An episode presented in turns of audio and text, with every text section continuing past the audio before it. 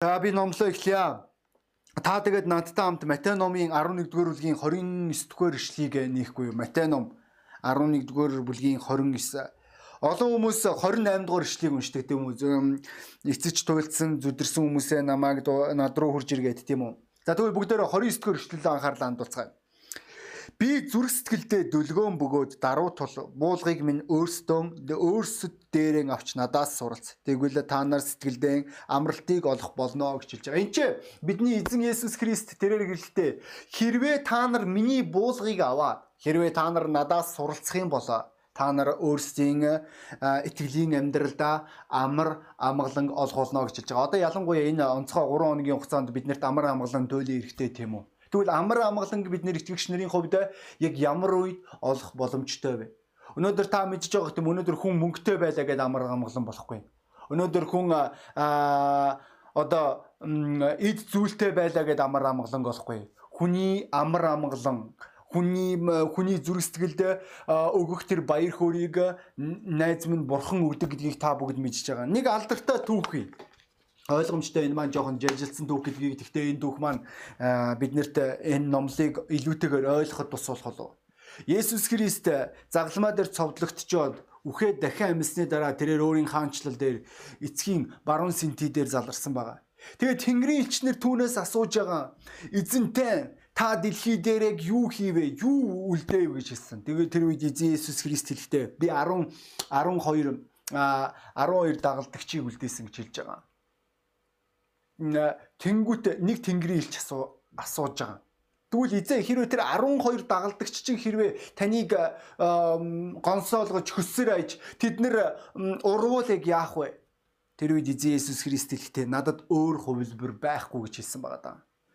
Энэ зүүрлэл маань яг юуг илэрхийлнэ вэ гэвэл Христэд итгэх итгэлийн өнөөдөр жинхэнэ үндсэн мөн чанар руу анхаарлаа хандуулж байгаа эзэн Есүс Христ асар итгэлтэй байгаад байгаа. Миний дагалдагч нар хизээч надаас урахгүй. Яг энэ л зүйлийг бид нэр 3 дугаар зуунд харж болно. Бид нэр үнийг 2 дугаар зуунд харж болно.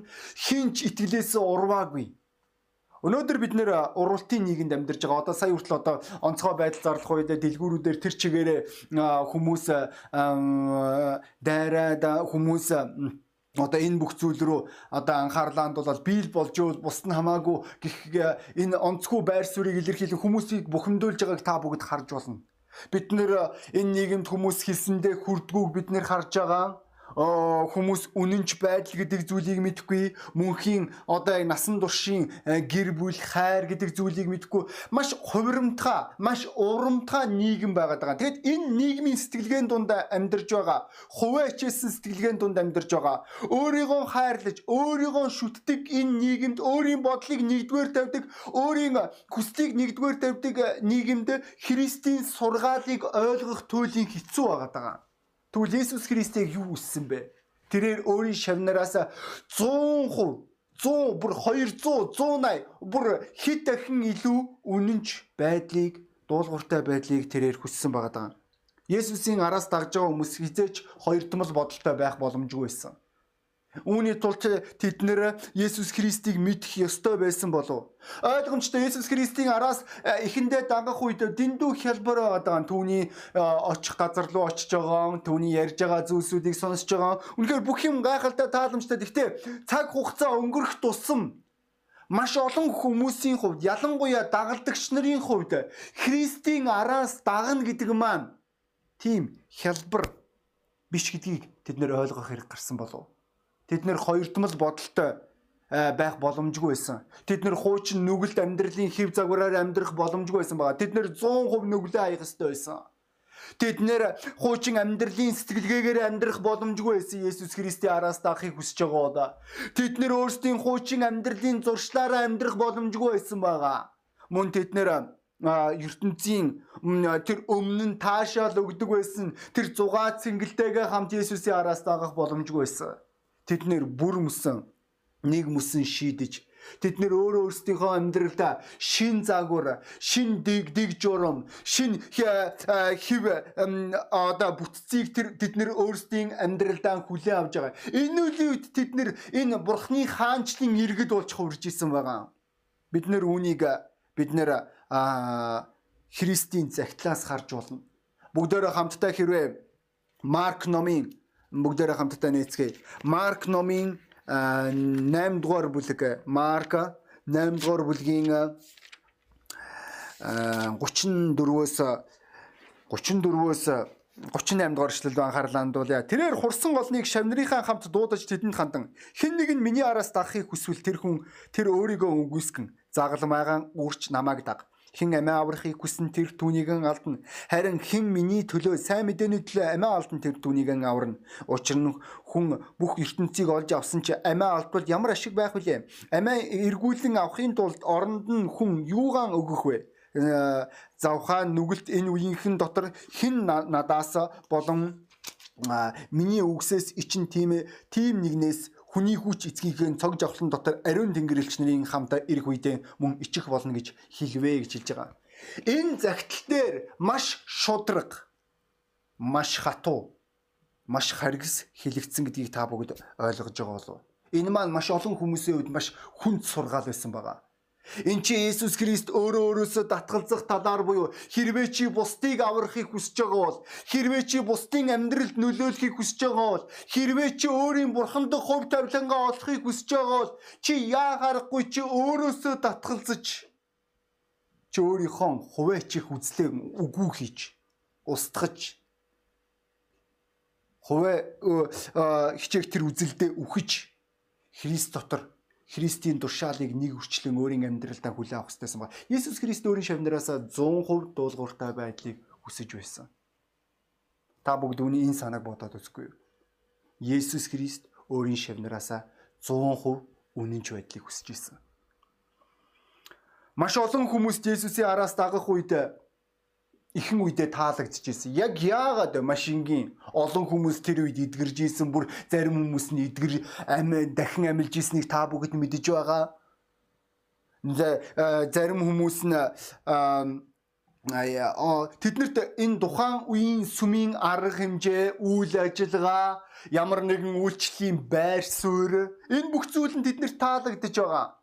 Тэднэрт үнгүү хоол, хоорондын харилцаа, хөгжилтөө тоглоом энэ бүх зүйлсүүд таалагдж исэн. Тэгээд хэсэг хугацааны дараа Есүс Христ түүний араас дагж исэн тэдгээр хүмүүст хандаад тэр тэрээр энэ өөрөөсөө татгалзах талаар ярих үед хэрвээ та нар би чамааг аврах үед зөвхөн чамааг өөр өөрийнхөө төлөө амьдраасаа биш харин чамааг бусдын төлөө амьдрч сураасаа гэж аварсан юм а гэж хэлэх тэр үгийг сонсоод тэнцээ байсан 15 мянган хүмүүс явсан та бүгд Иохан номын 6 дугаар бүлгээс уншиж болно. Бүр Иохан номын 6 дугаар бүлгийн 60 дугаар эшлэлдэр тэнцээ байсан хүмүүс Есүсийн энэ сургаалыг сонсоод энэ золиос гаргах талаар сонсоод өөр өөрөөсөө өөр өөрийгөө үгүйсгэх талаар сонсоод тэд нар хэлж байгаа энэ хэцүү үгс байна. Хэн энэ үгсийг сонсож чаддаг байна? Энэ шалтгаанаар олон хүмүүс Есүсийн араас дагаж байгаад хэсэг хугацааны дараа түүнийг орхисон болов. Бид нэр Библиэлд баян залууг санаж болно. Тэрээр эхэндээ маш гайхалтайгаар эзэн Есүс Христээр хурж ирж байгаа. Тэрээр сайн багшаа гэж хэлж байгаа. Дараа нь хэсэг хугацааны дараа бид нэр Библи биднэрт юу хэлж байгааг үл тэрээр Есүсийг гонигтойгоор орхио явсан байна. Яагаад орхиод явхад хүрвэ? Түүний итгэж байсан итгэл үнэмшил хангалтгүй байсан байна. Сүүлд нь Скродиудас л үлдсэн. Нэгсэн ч гэсэн тэрээр бүр сүулдэ тэрээр эзэн Иесус Христийг 30 мөнгөн зоосоор та бүгд худалдсан та нараа сайн мэдээний номнуудаас уншиж болно. Бүр тэрээр асууж байгаа хэрэг би та гэж байгаа. Хэр их олон итгэгч нар маань Христийн сургаал тэднэрт таалагдахгүй улмаас Христийн сургаал тэдний хувьд ойлгомжгүй мэт санагдж байгаа учраас яг л энэ байдлаар түүнийг орхисон болов. Энэ шалтгаанаар Иесус Христ тэрээр өөрийн араас дагж исэн тэр хүмүүстэй маш хатуу хэлж байгаа. Нэг хүн тэр түүн дээр ойртож үржээд багшаа таныг би хаашаач явсан таны араас дагах болно гэж хэлсэн байгаа. Тэрээр тухайн үед өөрийн сэтгэлийн хөөрөл мэдрэмжээрээ тэрээр хариулт өгж байгаа. Түүнд үнэхээр тухайн үед Христэд итгэх итгэл түүний араас дагах тэр байдал нь түүнд таалагдсан байгаа. Тэгээд тэр өөрийн зүрх сэтгэлдээ байсан зүйлийг хэлсэн. Хэрвээ та Библийг уншижсэн бол Матай номын 8 дугаар бүлэг дээр Иесус хэлж байгаа. Үнэг нүхтэй, шувуу үртэй харин хүний хүүд хорогдох газар байхгүй. Хэрвээ чи зөвхөн ашиг хонжооны араас чи миний араас дангаж байгаа бол залуу минь хэрэггүй. Орх. Мөн өөр нэгэн ойртож хурж ирж байгаа юм. Тэрээр тэр даруй Есүс Христийн араас дагахыг хүсээгүй. Тэрээр хэлж байгаа эхнээс нь би өөрийн аавыгаа оршуулсны дараа түүний аав өөх гэж байгаагүй. Түүний аав өөрийн жамаараа хэдэн жилийн дараа магадгүй хэдэн 10 жилийн дараа өнгөрөх байсан болоо. Гэхдээ тэрээр хэлж байгаа үгүй би одоо биш. Би дараа нь биелгээгдээ. Би дараа нь Есүсийн араас дагъя. Би дараа нь би Христийн тушаалуудыг биелүүлье Тэр үед Есүс мөн татгалцсан хариулт өгсөн гэдгийг та бүгд мэдэж байгаа. Эцэст нь өөрийн нөхцлөөрөө Есүсийн араас дагахыг хүсэж исэн хүнийг та нараа Библиэс уншиж болно. Тийм ээ Есүс би таны араас дагъя. Тийм ээ Есүс би танд итгэмээр байна. Гэхдээ миний нөхцлөөр надад таалагдж байгаа Надад нэвтэйхэн байх хэрэгтэй. Надад ойлгомжтой байх хэрэгтэй. Надад энэ бүх зүйлсүүд чинь таалагдахгүй байна Есүс. Тэр үед Есүс хэлж байгаа. Тэгвэл дахгүй ч гэж болно шүү дээ. Та мэдгүй Есүс Христэд итгэх итгэл маань хин нэгнийг чи заавал итгэх ёстой гэж шаарддаггүй. Энэ маань хувьчлан хүн болгоны сонголт байгаа. Энэ маань хүн болгоны мөнхийн амийг сонгох уу? Эсвэл үхлийг сонгохгүй. Энэ сонголтыг эцсийн дүнд хүн өөрөө сонгодог. Есүсийн араас дагах уу? Эсвэл өөрийн хуваачсан амьдралдаа өөрийгөө бодох тэр үзэл дотор амьдрах уу? Библи хэлэхдээ үр өхгүй бол үр жимс хизээж өгөхгүй гэж хэлж ирсэн. Энэ шалтгаанаар Есүс хэлж байгаа. Хэрвээ чи миний араас дагахыг хүсэж байгаа бол Хэрвээ чи миний дагалдагч байхыг хүсэж байгаа бол хэрвээ чи Христих гэж нэрлэгдэх ойлгож байна уу? Есүс Христийн араас дагж исэн тэр хүмүүс маань түүний хийж исэн зүйлсүүд, түүний ярьж исэн зүйлсүүд түүний амьдралаар амьдарч исэн байгаа. Хэсэг хугацааны дараа бид нэр үлсийн номын 11-р бүлэг дээр тэднийг христийнхэн гэж нэрлэгдэж байгааг бид нэр харж болно. Тэгээд мөн түүний тэдний хийж исэн үйлдэл нь нэг л зүйлийг илэрхийлж исэн байгаа. Тэд нэр улам өдрөөс өдөрт өөрийн багшийнхаа дүр төрхийг олж исэн. Тэгвэл өнөөдөр итгэгч найз минь чи өнөөдөр чиний амьдралын хэв загвараас бусад хүмүүс хэнийг олж харж байгаа вэ? 100% дуулууртай байх шийдвэр. Энэ маань хэцүү. Есүс хэлж байгаа хэрвээ чи миний араас даахыг хүсэж байгаа бол эхнээс нь тооцоолж үз.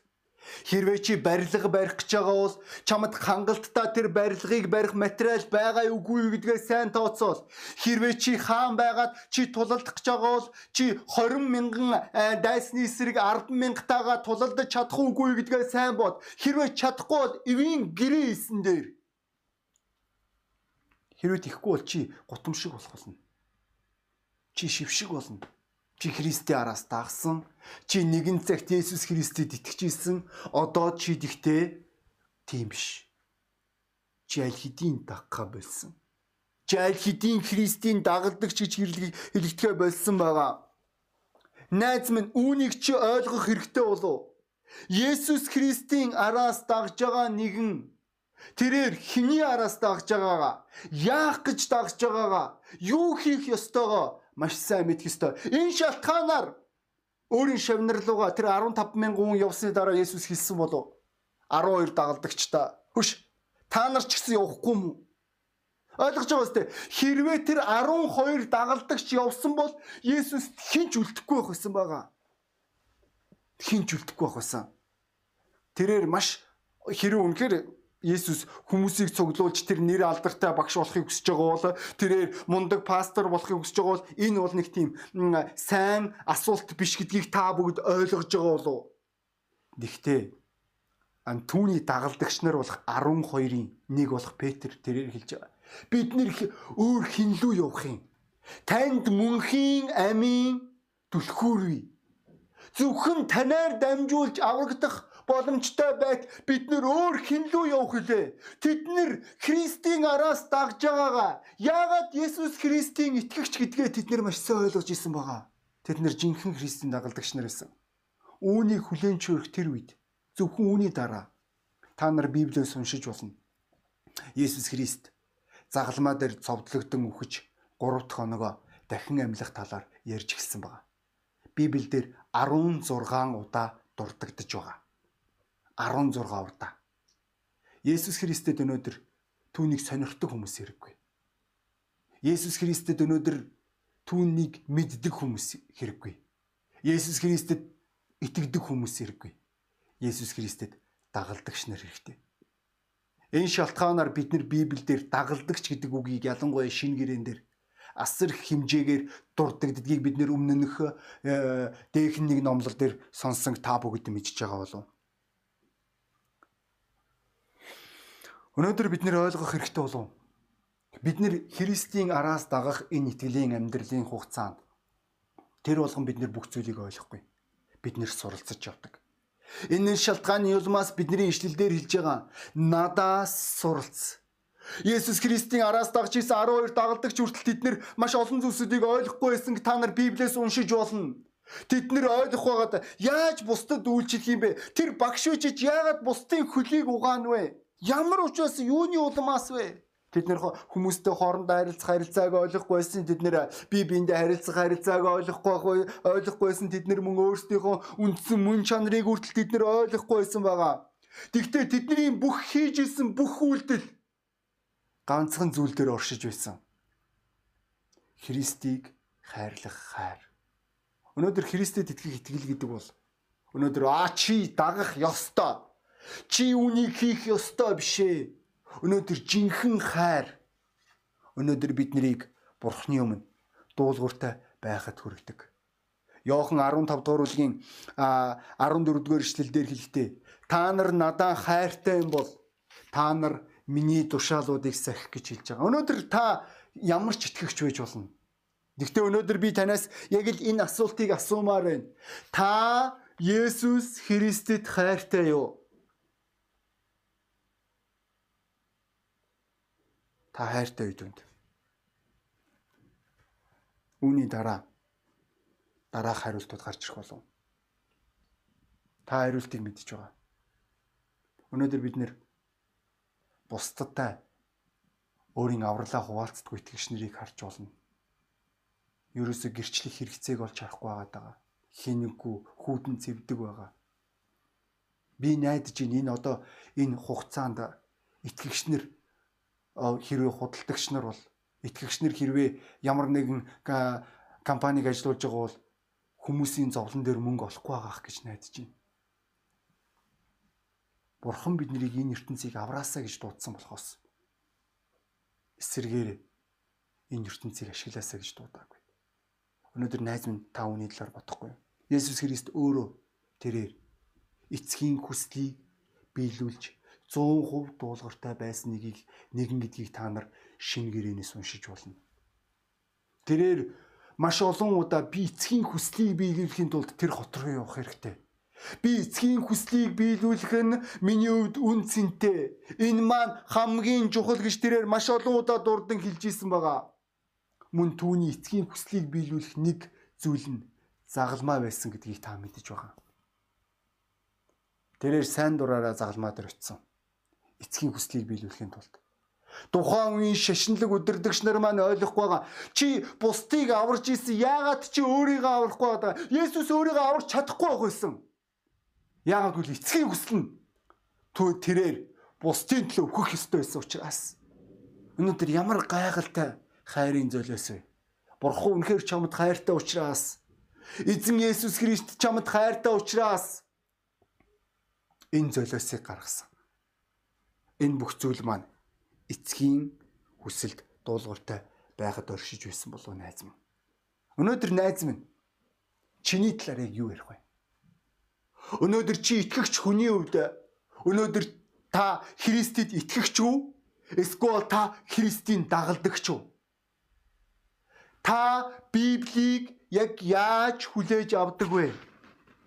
Бидний ишлэл дээр хэлж байгаа. Миний буулгыг үр. Тийм ээ. Чамааг Христэд итгэх итгэх итгэлээс чинь болж хэн нэгэн чамааг магадгүй гадуурхаж болох юм. Зүгээр л Христэд итгэдэг учраас энэ маань нэг төрлийн буулга. Чи өнөөдөр өөрийн хамаатан садангийнхаа хүмүүсийн авралын төлөө залбирч эхэлж байгаа. Энэ маань бас мөн нэг буулга гэдгийг найз минь ойлгох хэрэгтэй болов. Мөн та гудамжинд гарч гэрчилж байгаа. Хүмүүст авралын талаар ярьж байгаа. Хүний амьдрал хизээл бол хизээ дуусаж болно. Мөн та ойлгох хэрэгтэй бол таны ч амьдрал дуусаж болох юм. Хэрвээ таны ойр дотны хүмүүс аврагдаагүй бол тэд нэр нүглээсээ чөлөөлөгдөөгүй бол ямар гонигтай байна айз минь. Та зүгээр бодоод үзэхгүй юу? Та өөрийн эцэг дээрээ очих үедээ яг ямар бэлэгтэй очих вэ?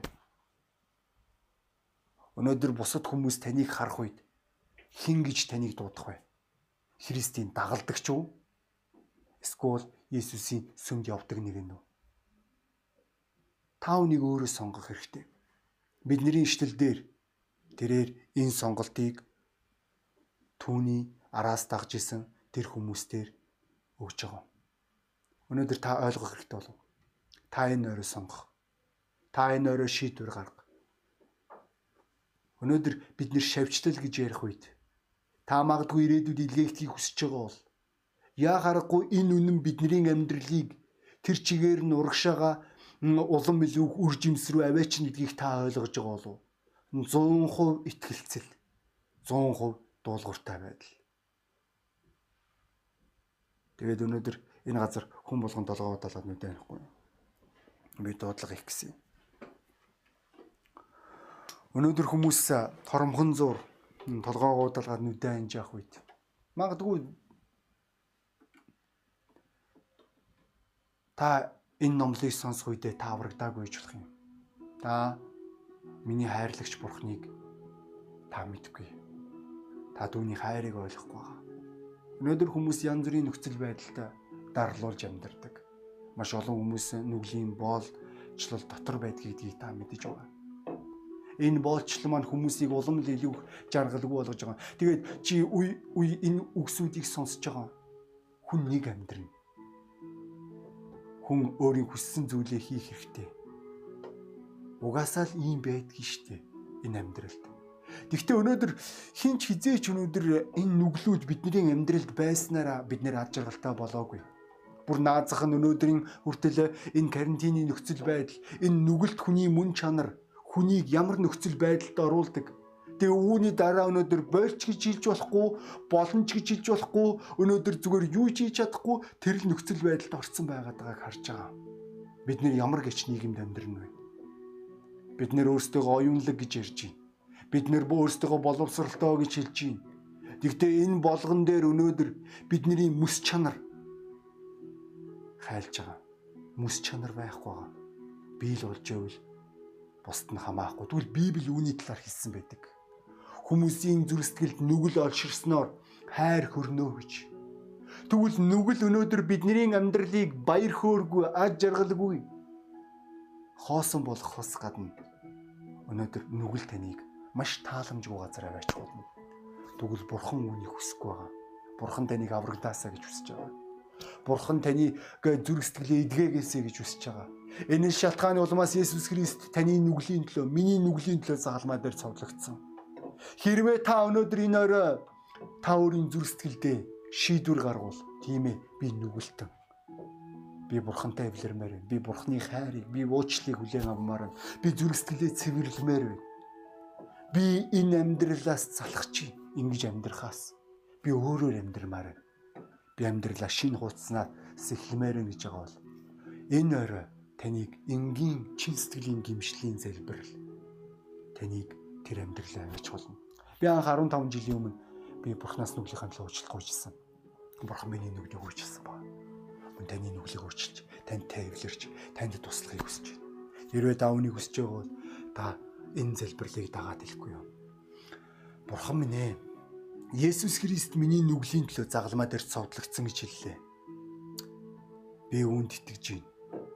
Бурхан минь би таны өмнө нүгэлтэй гэдгийг мэднэ.